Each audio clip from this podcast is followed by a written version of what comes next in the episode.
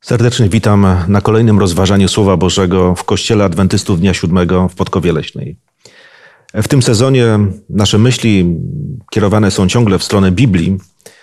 Towarzyszy nam takie ogólne przesłanie, jak interpretować Pismo Święte, więc mówimy o tym, co człowiek robi, żeby zrozumieć Pismo Święte. Ale w tej chwili mamy przed sobą szczególne zagadnienie, bo mówimy o Jezusie, i apostołach i ich stosunku do Pisma Świętego, a więc sięgamy do samych źródeł, sięgamy do tego, który dał początek chrześcijaństwu e, i jego uczniów. Myślę, że przed nami naprawdę bardzo ważne rozważanie.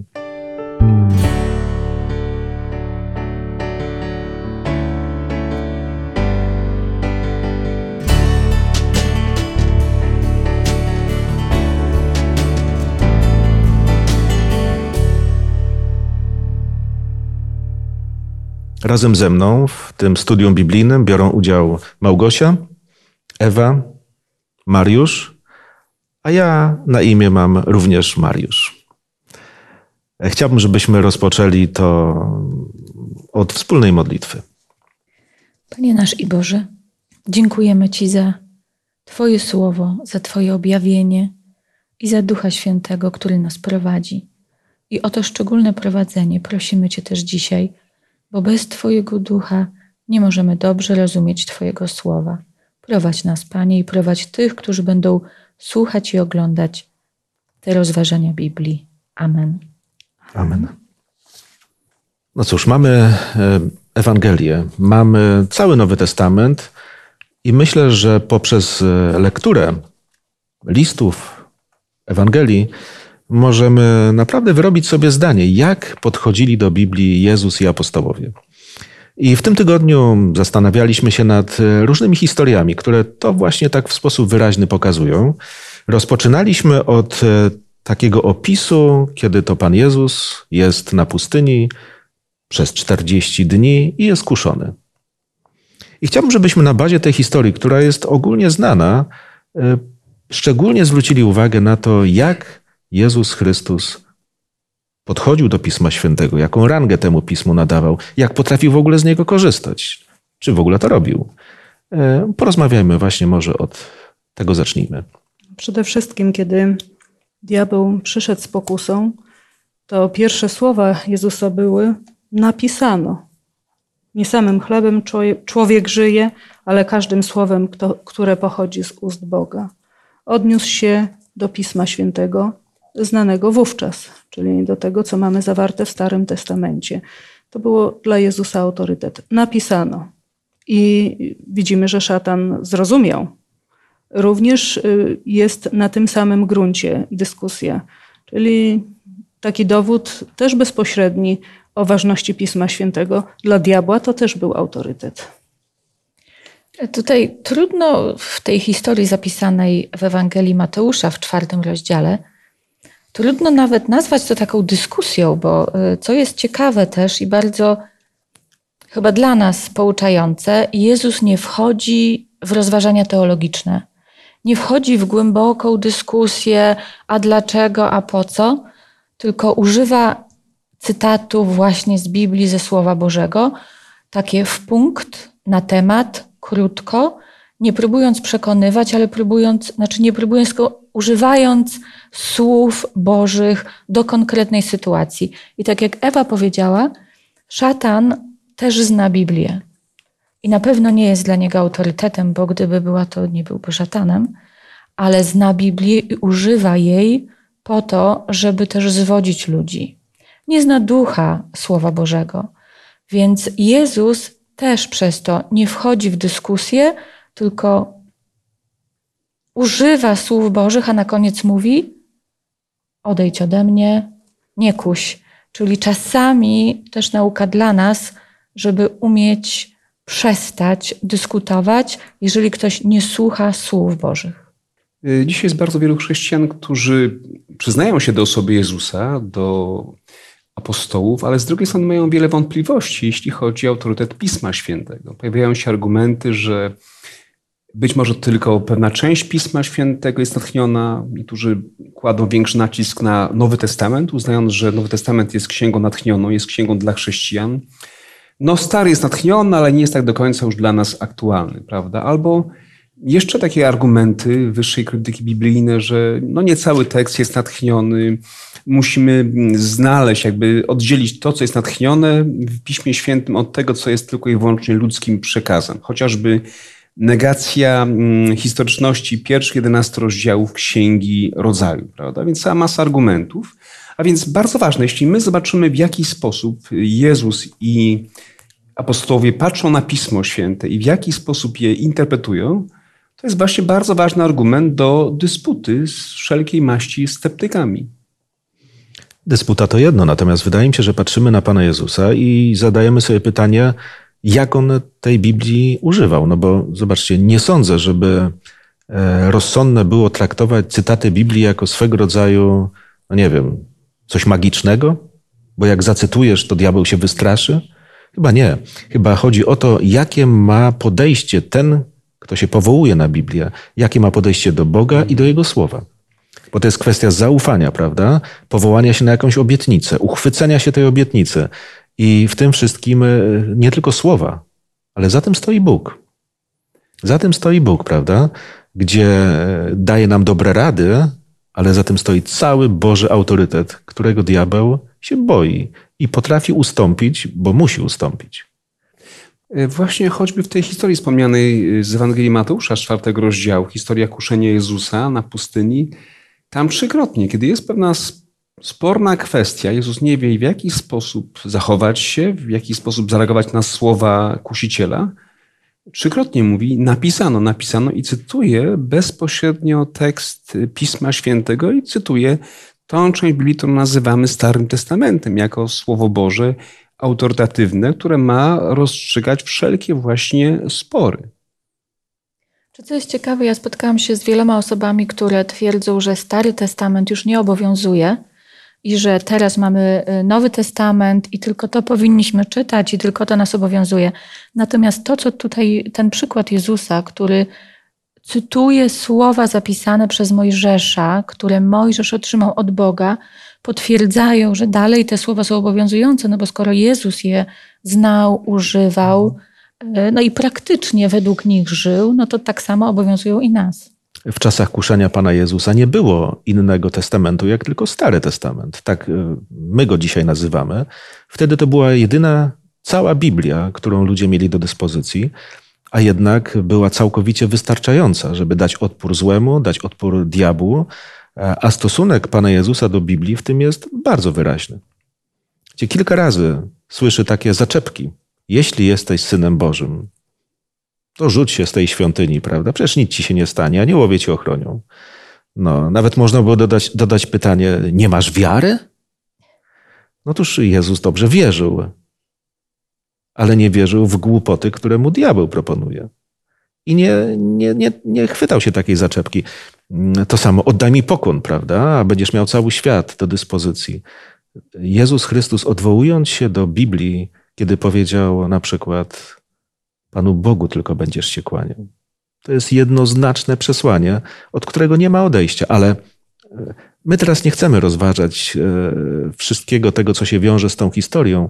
Podkreślamy to, że Pan Jezus traktował Biblię jako ostateczny argument w walce ze złem, wystarczający, mocny argument, przed którym diabeł ustępuje, bo cała ta historia kończy się tak, jak czytamy w jedenastym wersecie czwartego rozdziału Ewangelii Mateusza.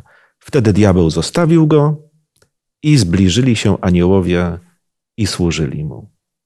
No, diabłu zamknąć usta nie jest łatwe, ale to się stało.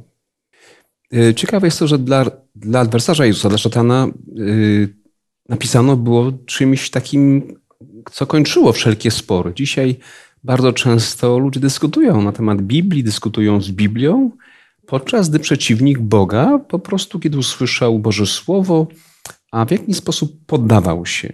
To jest myślę też ciekawe, ciekawa nauka dla nas. Ciekawe, trochę, trochę przekorne to, co powiem, ale no chociaż ktoś uznawał autorytet Słowa Bożego. Nie?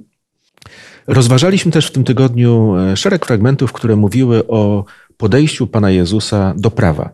I przy tej okazji też e, można zauważyć takie wyraźne nastawienie Pana Jezusa do Słowa Bożego, do Pisma Świętego jako takiego. E, możemy gdzieś nawiązać do tych wypowiedzi, które nas zajmowały wcześniej? Myślę, że taki chyba najbardziej znany tekst jest zapisany w Ewangelii Mateusza w piątym rozdziale, 17-18 werset. Przeczytam. Nie mniemajcie, że przyszedłem rozwiązać zakon albo proroków. Nie przyszedłem rozwiązać, lecz wypełnić. Bo zaprawdę powiadam wam, dopóki nie przeminie niebo i ziemia, ani jedna jota, ani jedna kreska nie przeminie z zakonu, aż wszystko to się stanie. Jezus przyszedł na tą ziemię nie anulować prawo, odrzucić, zamienić je nowym. On je przyszedł tak naprawdę wytłumaczyć ludziom, bo jak spotykał się z ludźmi i nauczał, to nawo- ciągle nawiązywał do tych praw, do tych słów spisanych y, w Starym Testamencie. On je tłumaczył po to, żeby ludzie zrozumieli ducha Jego słowa. I tutaj jest potwierdzenie. Nie przyszedłem nic anulować. To słowo jest dalej ważne. Przyszedłem wypełnić proroctwa zapisane y, w tych słowach. I to jest cel całego Starego Testamentu wskazywać na Jezusa, wskazywać na Zbawiciela, pokazywać historię zbawienia i Jezus to wypełnił i to potwierdził w tych słowach. Natomiast nie zamierza niczego zmieniać, niczego usuwać, e, nie odbiera autorytetu, e, nawet przecinków i kropek, byśmy dzisiaj mogli powiedzieć, z tego, co było. Może jeszcze jeden fragment y, z Ewangelii Mateusza, 22 rozdział, 29 werset. Jezus mówi: Błądzicie nie znając pism ani mocy Bożej. Czyli życie idzie w takim różnym kierunku, nie ma tego y, mocnego fundamentu, jest błądzenie, jest y, chodzenie po omacku. Dlaczego? Bo nie znacie pism, nie stosujecie tych rzeczy, to tego, co Bóg powiedział a z tym wiąże się, że i mocy Bożej nie ma się w życiu. Jak, jak tutaj mocno podkreślił autorytet prawa. Z jednej strony autorytet prawa, ale zobaczcie, ta historia mówi o tym, że do niego przyszli sadyceusze, a to nie byli ludzie nieoczytani, to byli ludzie, którzy obracali się wokół świątyni, to często kapłani należeli do kasty sadyceuszy. I Pan Jezus im mówi wprost: Wy nie znacie pisma. No akurat tutaj dowiadujemy się, że oni nie wierzyli w zmartwychwstanie. Możemy dziwić się, jak to, jak to można w to nie wierzyć. To nie ma co się dziwić, tak po prostu było, ale Pan Jezus mówi, błądzicie, nie znacie Pisma, ani mocy Bożej. I to jest problem. I może kolejny fragment bardzo ciekawy w kontekście tej naszej dyskusji. Stosunek Jezusa do, do prawa Bożego, do Starego Testamentu również jako całości. Czytam z Biblii Ekumenicznej Ewangelii Mateusza, 22 rozdział 37 wersetu. On mu odpowiedział: Będziesz miłował Pana Boga swego całym swoim sercem, całą swoją duszą i całym swoim umysłem. To jest najważniejsze i pierwsze przykazanie. Drugie zaś jest podobne do niego: Będziesz miłował swego bliźniego jak siebie samego.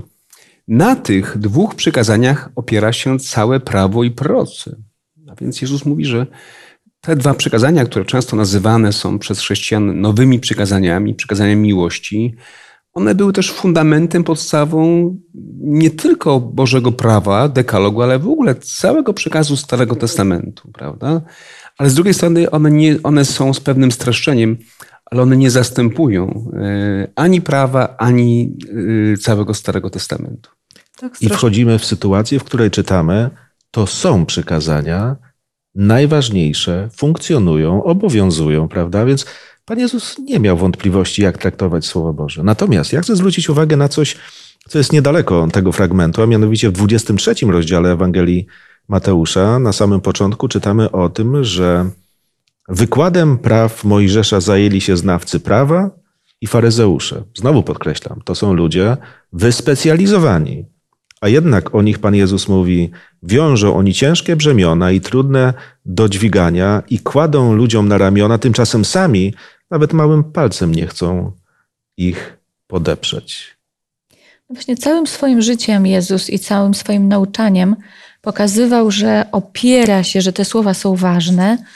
Jest jeden problem. Jak Jezus przyszedł na ziemię, to nie było wiele osób, które żyło według tych słów, które rozumiało do końca ducha miłości, które Bóg zawarł w tych słowach i w ogóle no, jakby też Y, całej historii zbawienia, którą Jezus przecież przyszedł wypełnić. I to, co Jezus przez całą swoją misję mówił, y, swoją y, misję robił, to próbował ludziom wytłumaczyć prawdziwy sens tych słów, czyli nie odrzucał je, nie zmieniał, ale im tłumaczył. Pamiętacie na pewno tą historię, kiedy młodzieniec, i zresztą e, wielokrotnie są zapisane historie, kiedy ludzie przychodzili do Jezusa pytając się, co mam robić, żeby być zbawionym. Jezus bardzo często odwoływał się wtedy do prawa mojżeszowego, do tych podstaw, ale co mówił? Miłość. I nie dlatego, że miłość zastępuje prawo, tylko prawa mojżeszowe nauczały o miłości, o miłości do Boga i miłości do człowieka. Jezus to tłumaczył. Bardzo ważne. E, Pan Jezus przyszedł, żeby coś wytłumaczyć, ale chyba nie zależało mu na tym tylko, żeby ludzie w końcu wszystko rozumieli, ale żeby zgodnie z tym postępowali, prawda? Bo to jest prawdziwy wyraz stosunku do Pisma Świętego. Są ludzie oczytani, ale z tego Słowa Bożego nie korzystają. E, może nie błądzą w tym sensie, że mają e, złe zrozumienie, ale całe ich życie może być pomyłką, bo nie stosują tego na co dzień. I, i właśnie na to zwraca też uwagę Pan Jezus. Żeby za tym, co jest taką świadomością, za intelektem, szło postępowanie człowieka. Wyraz prawdziwego korzystania z tego, co dobre. Czyli cały czas podnosi to, co było w Starym Testamencie. Konsekwentnie. Tylko i wyłącznie. E, słuchajcie, może zwróćmy uwagę na inny fragment. E, mam na myśli 24 rozdział Ewangelii według świętego Łukasza. No ten e, pokazuje nam tutaj bardzo dużo na temat tego, jak Jezus traktował Biblię, jak ją wykorzystywał. A historia ta, może tak wspomnę, tylko mówi o uczniach, którzy już po śmierci Pana Jezusa nie wiedzieli, że zmartwychwstał, idą do Emaus, zatroskani, wystraszeni, ludzie, którzy stracili nadzieję i nagle koło nich pojawia się Jezus Chrystus. No, zatroskani nie, nie rozpoznają go, ale on idzie z nimi, chce im e, coś e, wytłumaczyć, chce im trochę pomóc, ale jego pomoc, uprzedzam, nie sprowadza się do tego, że nagle zatrzymuje ich i mówi: Popatrzcie na moje ręce i na mój bok. Nie robi czegoś takiego. Nie w tej historii używa innych argumentów, żeby ludzie mogli uwierzyć, że on żyje, że zmartwychwstał, że to wszystko nie powinno być nawet dla nich zaskoczeniem. Nawiążmy do tych fragmentów 24 rozdziału Ewangelii Łukasza, które tak pięknie podnoszą właśnie e, Biblię, Słowo Boże, no, poprzez przykład Jezusa Chrystusa. Może fragment y, tej właśnie historii, który jakby jest takim podsumowaniem, bo znamy tą historię. Jest dialog Jezusa z dwoma uczniami idącymi do Emaus, którzy są zniechęceni swojej wierze, zawiedzeni, a myśmy, a nam się wydawało, prawda? I teraz Jezus jest słuchaczem tej rozmowy. Y, potem jest y, próba jakby wyjaśnienia. Tutaj znajdujemy tą ciekawą zasadę powołania się Jezusa na całą, na całą Biblię, na całe Pismo Święte. W teologii mm, jest to mm, zasada tota scriptura, czyli cała Biblia, całe Pismo. Jezus, 24 y, rozdział, 44 werset, mówi takie słowa, potem wrócił się do nich, to właśnie wam mówiłem, gdy byłem jeszcze z wami, że musi się spełnić wszystko, co jest o mnie napisane w prawie Mojżesza, u proroków i w psalmach wszystko, a następnie Jezus powołuje się na trzy jakby, na trzy, y, trzy mm, działy y, całej Biblii, y, więc Mojżesz, prorocy i psalmy. Z tego składała się hebrajska Biblia, więc Jezus nie wybiera jakichś pojedynczych fragmentów wyrwanych z kontekstu. Jezus, kiedy mówi o sobie, mówi o swojej misji, powołuje się na całą Biblię. I to jest też niezwykle ważne, gdy chodzi o nasz sposób dzisiaj interpretacji Pisma Świętego. To jest już ten późniejszy etap, kiedy z większą liczbą uczniów się spotyka i w taki sposób im tłumaczy, ale jeszcze może wrócę do tego momentu, kiedy w tej drodze do, do Emaus są. I począwszy od Mojżesza, poprzez wszystkich proroków, wykładał im, co o nim było napisane we wszystkich pismach. Jest to 27 werset. Mhm. I zobaczmy, jaki efekt e, tego był. 32 werset. Czyż, nasze, czyż serce nasze nie pałało w nas, gdy mówił do nas w drodze i pisma przed nami otwierał? Jaką niesamowitą moc miało to, co mówił. opierał się na Starym Testamencie, opierał się na tych pismach, które były znane. Jak, jak to zadziałało w ich życiu? Jakie w ogóle były zamiary Jezusa Chrystusa co do fundamentu wiary chrześcijańskiej? Jeżeli byśmy odsunęli Biblię, to co nam pozostaje? Emocje? Albo widziałem, słyszałem, więc mogę ci powtórzyć, ale to pokolenie dawno minęło. Nie zostałoby nic. Natomiast Słowo Boże, przesłanie z proroctw, wypełnienie tych proroctw pozostaje i Pan Jezus dobrze wiedział, że na tym chrześcijanie będą budowali swoją wiarę przez y, kolejne wieki. Ja bym jeszcze dodała dwa, dwie takie lekcje, które ja wyciągam y, z tej całej historii. Po pierwsze, tak jak Jezus tutaj wykładał całe pisma, nie możemy studiować Biblii wybiórczo i wybierać sobie rozdziałów, które lubimy, które nie, lubi, nie lubimy. Całe pisma powinniśmy studiować. Oczywiście Bóg nie daje tego zrozumienia od samego początku i po pierwszym przeczytaniu, więc ta wytrwałość. On, Jezus tu spotyka się z, uczni, z uczniami, z którymi trzy i pół roku chodził, nauczał ich, a dalej oni pewnych rzeczy nie rozumieli. I do tego trzeba też pokory pokory i taka pod, takiego poddania się Bogu. Więc jeżeli są rzeczy, których nie rozumiemy, to powinniśmy, tak jak tutaj uczniowie z Jezusem, Synem Bożym, rozmawiali i zrozumieli coraz więcej, tak my w modlitwie uklęknąć przed Bogiem, poprosić o zrozumienie. Czasami, jeżeli czegoś nie rozumiemy, też zaakceptować, dać sobie czas, ale konsekwentnie studiować, czytać, yy, przeglądać całą Biblię, nie odrzucając żadnego urywka spotkałem się z takim poglądem, że pismem, pismem Świętym można wszystko udowodnić. E, więc po części tak, ludzie próbują różne najdziwniejsze teorie nauki udowadniać Pismem Świętym, z tym, że nie według tej zasady Jezusowej całą Biblią, tylko pewnymi fragmentami wyrwanymi z kontekstu. Tak? Więc gdy bierzemy całe Pismo Święte, no to niestety nie udowodnimy wszystkich teorii, wszystkich ludzkich pomysłów za pomocą tej księgi, tylko i wyłącznie, kiedy ją stosujemy w sposób wybiórczy. I to jest, myślę, bardzo ważne. Cała Biblia, całe Pismo, tak jak właśnie Jezus, jak apostołowie. Może jeszcze podkreślę tę myśl, ona była już poruszona, że to był dobry y, moment, żeby na emocjach budować. Przecież mógł pokazać ręce i tak dalej, co się stało, i od tego zacząć. A widzimy, na czym Jezus buduje wiarę, i ten kościół się buduje na tym, na Piśmie Świętym. W tamtym momencie to, co widzieli, to, co słyszeli, by wystarczyło. W zupełności. Może jeszcze, jeszcze taka inna myśl. Zobaczmy, jak e, z szatanem rozmawia na pustyni, to co już mówiliśmy. Też nie na emocjach, nie na jakichś e, swoich animozjach takich czy, czy, czy innych, e, powiedzmy, emocjach, tylko też na Piśmie Świętym. I widzimy tutaj te dobre emocje przecież, ale też na Piśmie Świętym.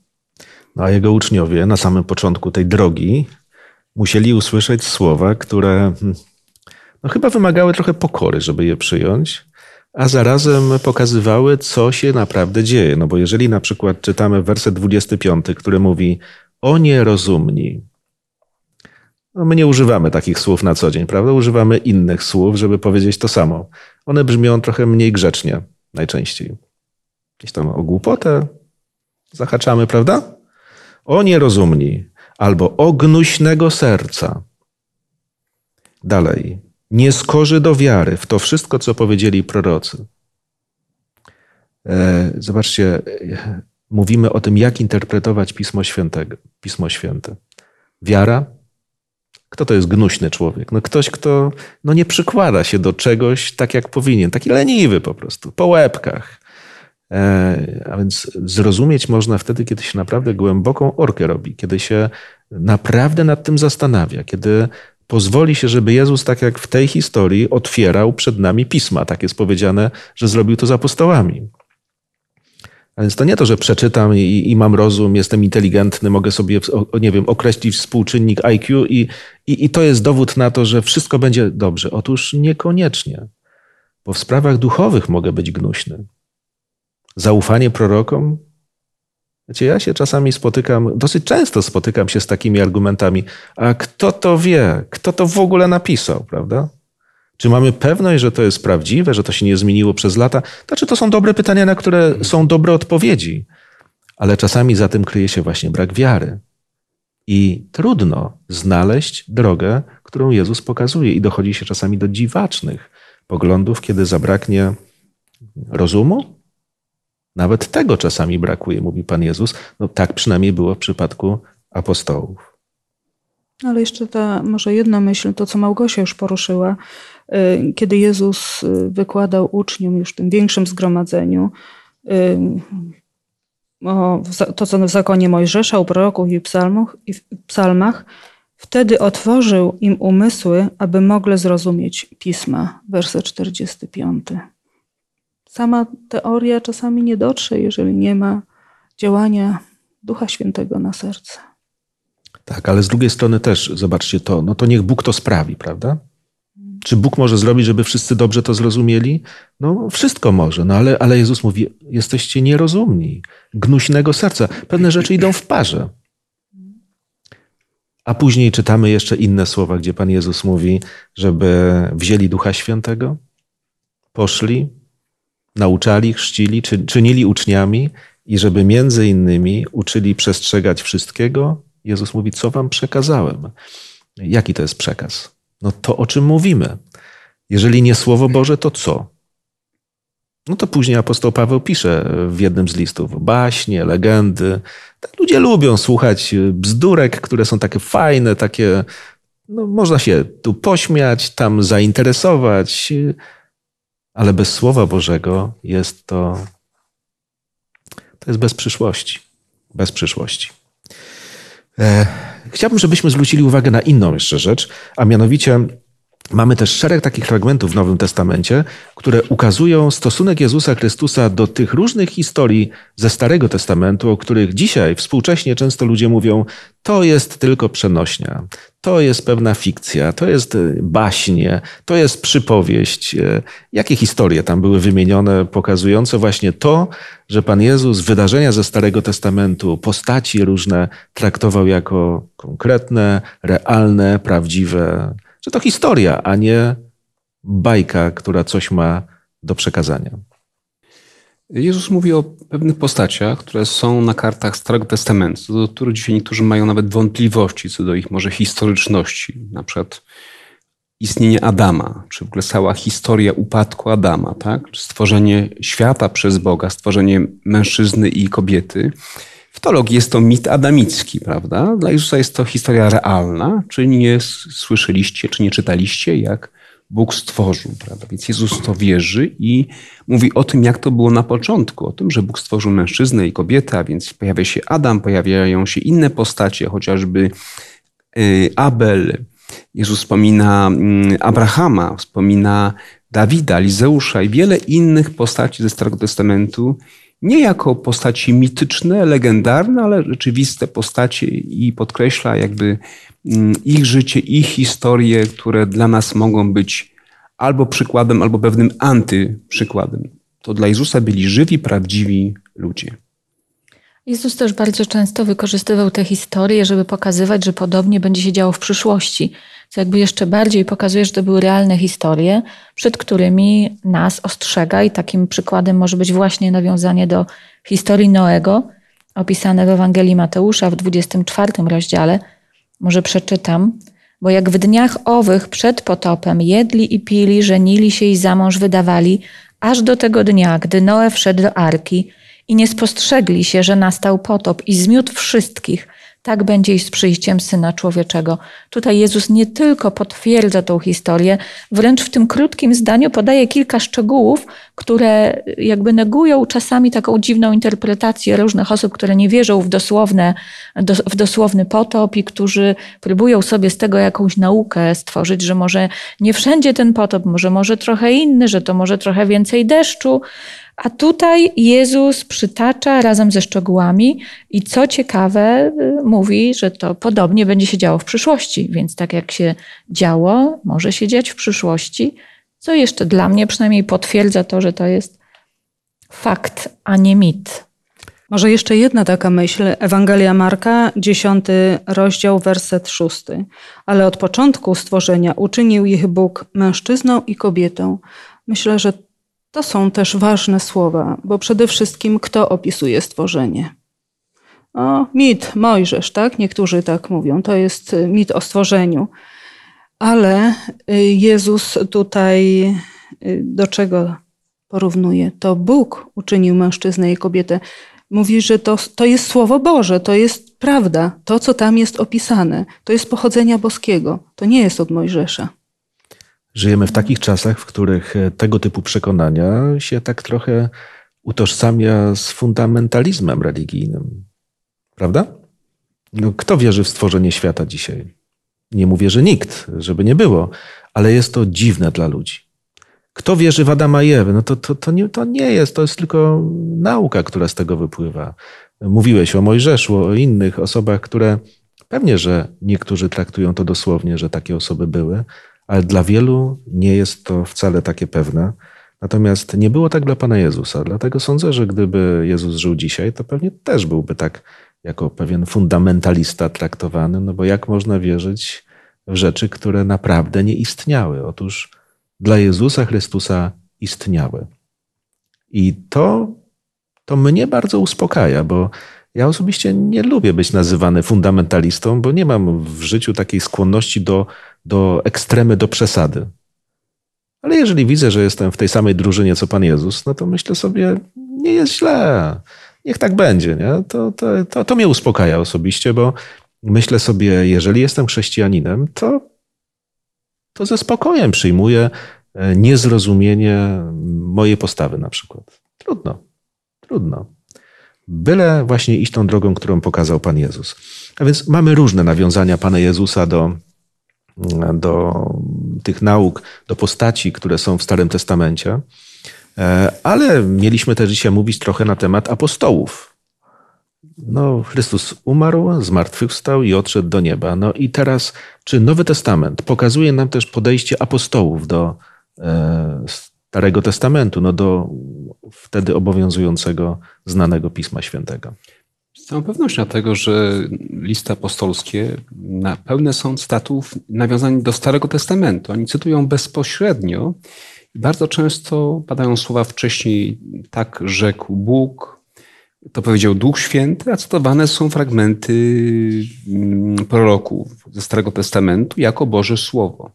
No, na pewno pamiętamy wszyscy te słynne słowa apostoła Pawła, który mówi, że całe pismo natchnione jest przez Boga i pożyteczne do nauki, wykrywania błędów, czyli też ta sama zasada, o której mówi Jezus, całe Pismo Święte, tak? To ta skryptura, prorocy, mm, prawo prorocy i pisma, Y, no, tak przy okazji też wspomnę, że przecież kiedy y, Paweł mówi te słowa, to odnosi i odnosi je do Starego Testamentu, dlatego że Nowy Testament wówczas nie istniał.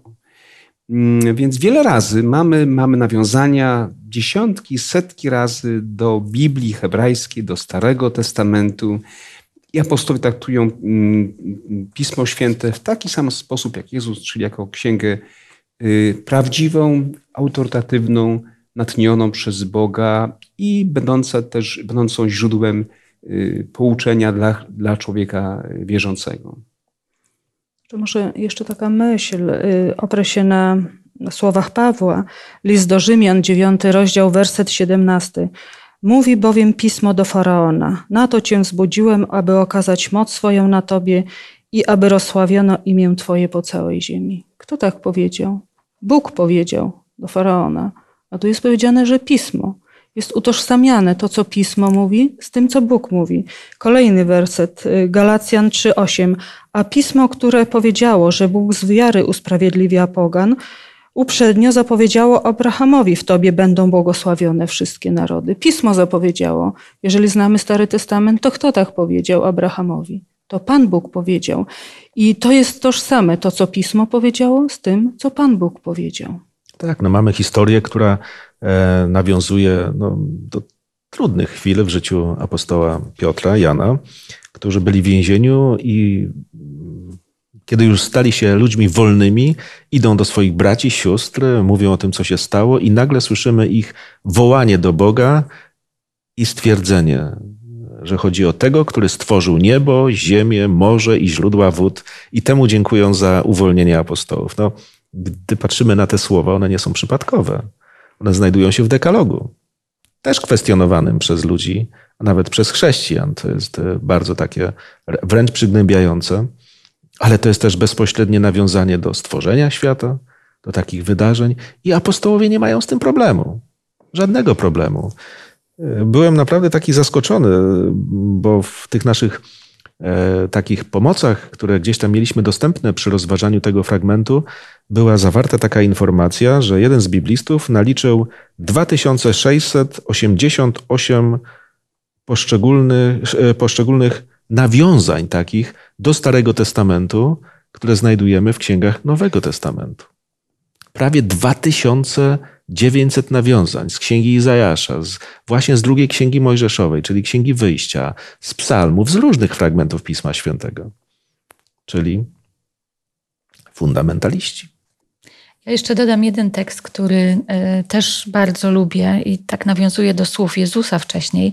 W ogóle historie związane z Pawłem, z jego e, podróżami misyjnymi opisanymi w dziejach apostolskich.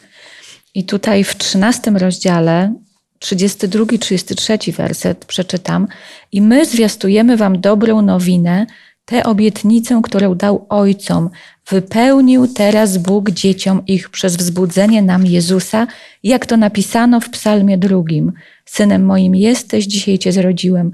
To jest takie trochę podsumowanie też naszej dyskusji, od czego zaczęliśmy. Nie dość, że Paweł tutaj cytuje słowa, nawiązuje do obietnic, które są przedstawione w Starym Testamencie wszystkim, którzy przez te lata żyli i jeszcze potwierdza, te słowa zostały wypełnione, czyli potwierdza jeszcze słowa jakby Jezusa, że On nie, nie, przy, nie przyszedł, żeby y, usunąć, tylko żeby wypełnić te słowa.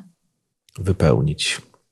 No chyba nie ma lepszego życzenia, jak to, żebyśmy potrafili pójść właśnie taką drogą. E, nie dyskutować, czy można dyskutować o Słowie Bożym, to nie ma żadnego problemu, ale nie po to, żeby to kwestionować, żeby to podważać, bo Akurat takiego przykładu nie znajdujemy ani w zachowaniu Pana Jezusa, ani w zachowaniu apostołów. I to byłoby ciekawe doświadczenie, gdybyśmy sobie tak postawili za cel przeczytać cały Nowy Testament, żeby zobaczyć, że któryś z tych, którzy są autorytetem, autorytetem dla chrześcijaństwa, zakwestionował chociaż raz Pismo Święte. No nie znajdę. Ani postacie, ani wydarzenia Starego Testamentu. Nikt tego nie kwestionuje. No myślę, że w tym ogólnym temacie, jak interpretować Pismo Święte, to te wnioski, które dzisiaj e, poruszamy, są kluczowe. Nie ma ważniejszych argumentów jak wzór Jezusa Chrystusa. No nie ma. On zapoczątkował chrześcijaństwo.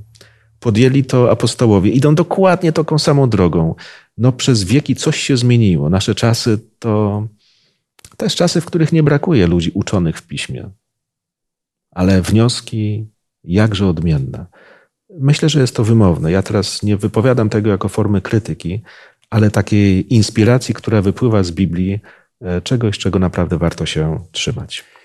Skoro mowa o krytyce Biblii, zauważmy taką jedną rzecz ciekawą. Ja spotykam się z tym, że najwięcej krytycznych uwag do Biblii, do natchnienia Biblii, autorytetu mają osoby, które tak naprawdę nigdy sobie nie zadały trudu, by ją w całości przeczytać.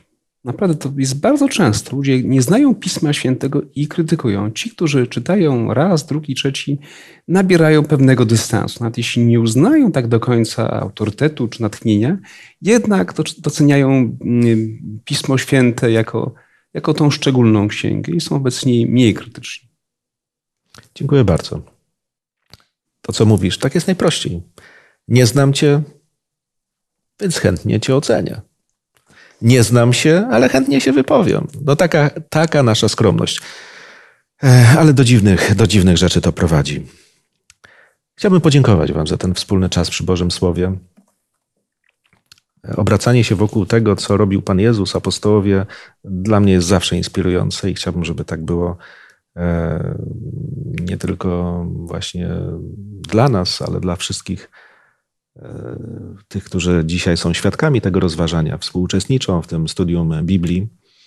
Chciałbym, żebyśmy mogli cieszyć się właśnie takim słowem, które e, jest tym źródłem, e, nie wiem, mądrości, to na początek, ale i takiej zachęty, nie wiem, źródłem czegoś, co daje nam pokój do serc, co pomaga nas prowadzić przez życie, tak żebyśmy mogli dokonywać dobrych wyborów, które nam to życie uporządkują, a nie skomplikują.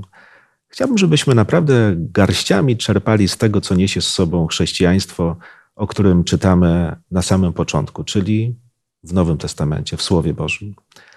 A nieraz już dzisiaj padły słowa, że cała Biblia, cała Biblia i Stary Nowy Testament niech spełnia w naszym życiu taką rolę, jaka została mu przeznaczona przez samego Pana Boga. Dziękuję za to rozważanie. Chciałbym, żebyśmy zakończyli to wspólną modlitwą. Panie Boże łaskawy, Tobie dziękujemy za tą szczególną księgę, za księgę ksiąg, Pismo Święte, które w tych czasach niepewnych, czasach, kiedy istnieje wiele sporów dotyczących genezy naszego świata, jego późniejszej historii, naszych ludzkich porządków, my mamy tą szczególną księgę, która mówi nam o tym, jak to było na początku. I ta księga jest dla nas źródłem nie tylko wiary, ale też wiedzy o tym, kim Ty, Boże, jesteś. Prosimy Ciebie, Panie Boże, o mądrość, ale też o to, abyśmy znaleźli każdego dnia czas, aby brać tą księgę do ręki, a czytać ją, poznawać i zdobywać właśnie tą niezwykle cenną y, wiedzę, aby też w ten sposób budować swoją wiarę. Błogosław wszystkie osoby, które szukają odpowiedzi, tych, którzy być może dzisiaj wątpią, ale są szczerzy i poszukujący, aby też doszli do pełnego zrozumienia Twojego słowa i do przekonania, że Pismo Święte jest tym wyłącznym, jedynym autorytetem w kwestii wiary i zbawienia dla człowieka. Pobłogosław, Panie Boże, nas i daj, abyśmy każdego dnia rozwijali się właśnie w tej wiedzy i tym zrozumieniu Twego słowa. Otwórz nam nasz umysł, podobnie jak otworzyłeś kiedyś swoim uczniom, abyśmy potrafili zrozumieć Pisma Święte. Przez Pana Jezusa prosimy Ciebie o to. Amen. Amen. Jeszcze raz dziękuję za nasze wspólne spotkanie i zapraszam na kolejne rozważanie Pisma Świętego, które będzie mówiło o Biblii jako autorytatywnym źródle naszej teologii ale to już za tydzień. Jeszcze raz serdecznie dziękuję i do zobaczenia.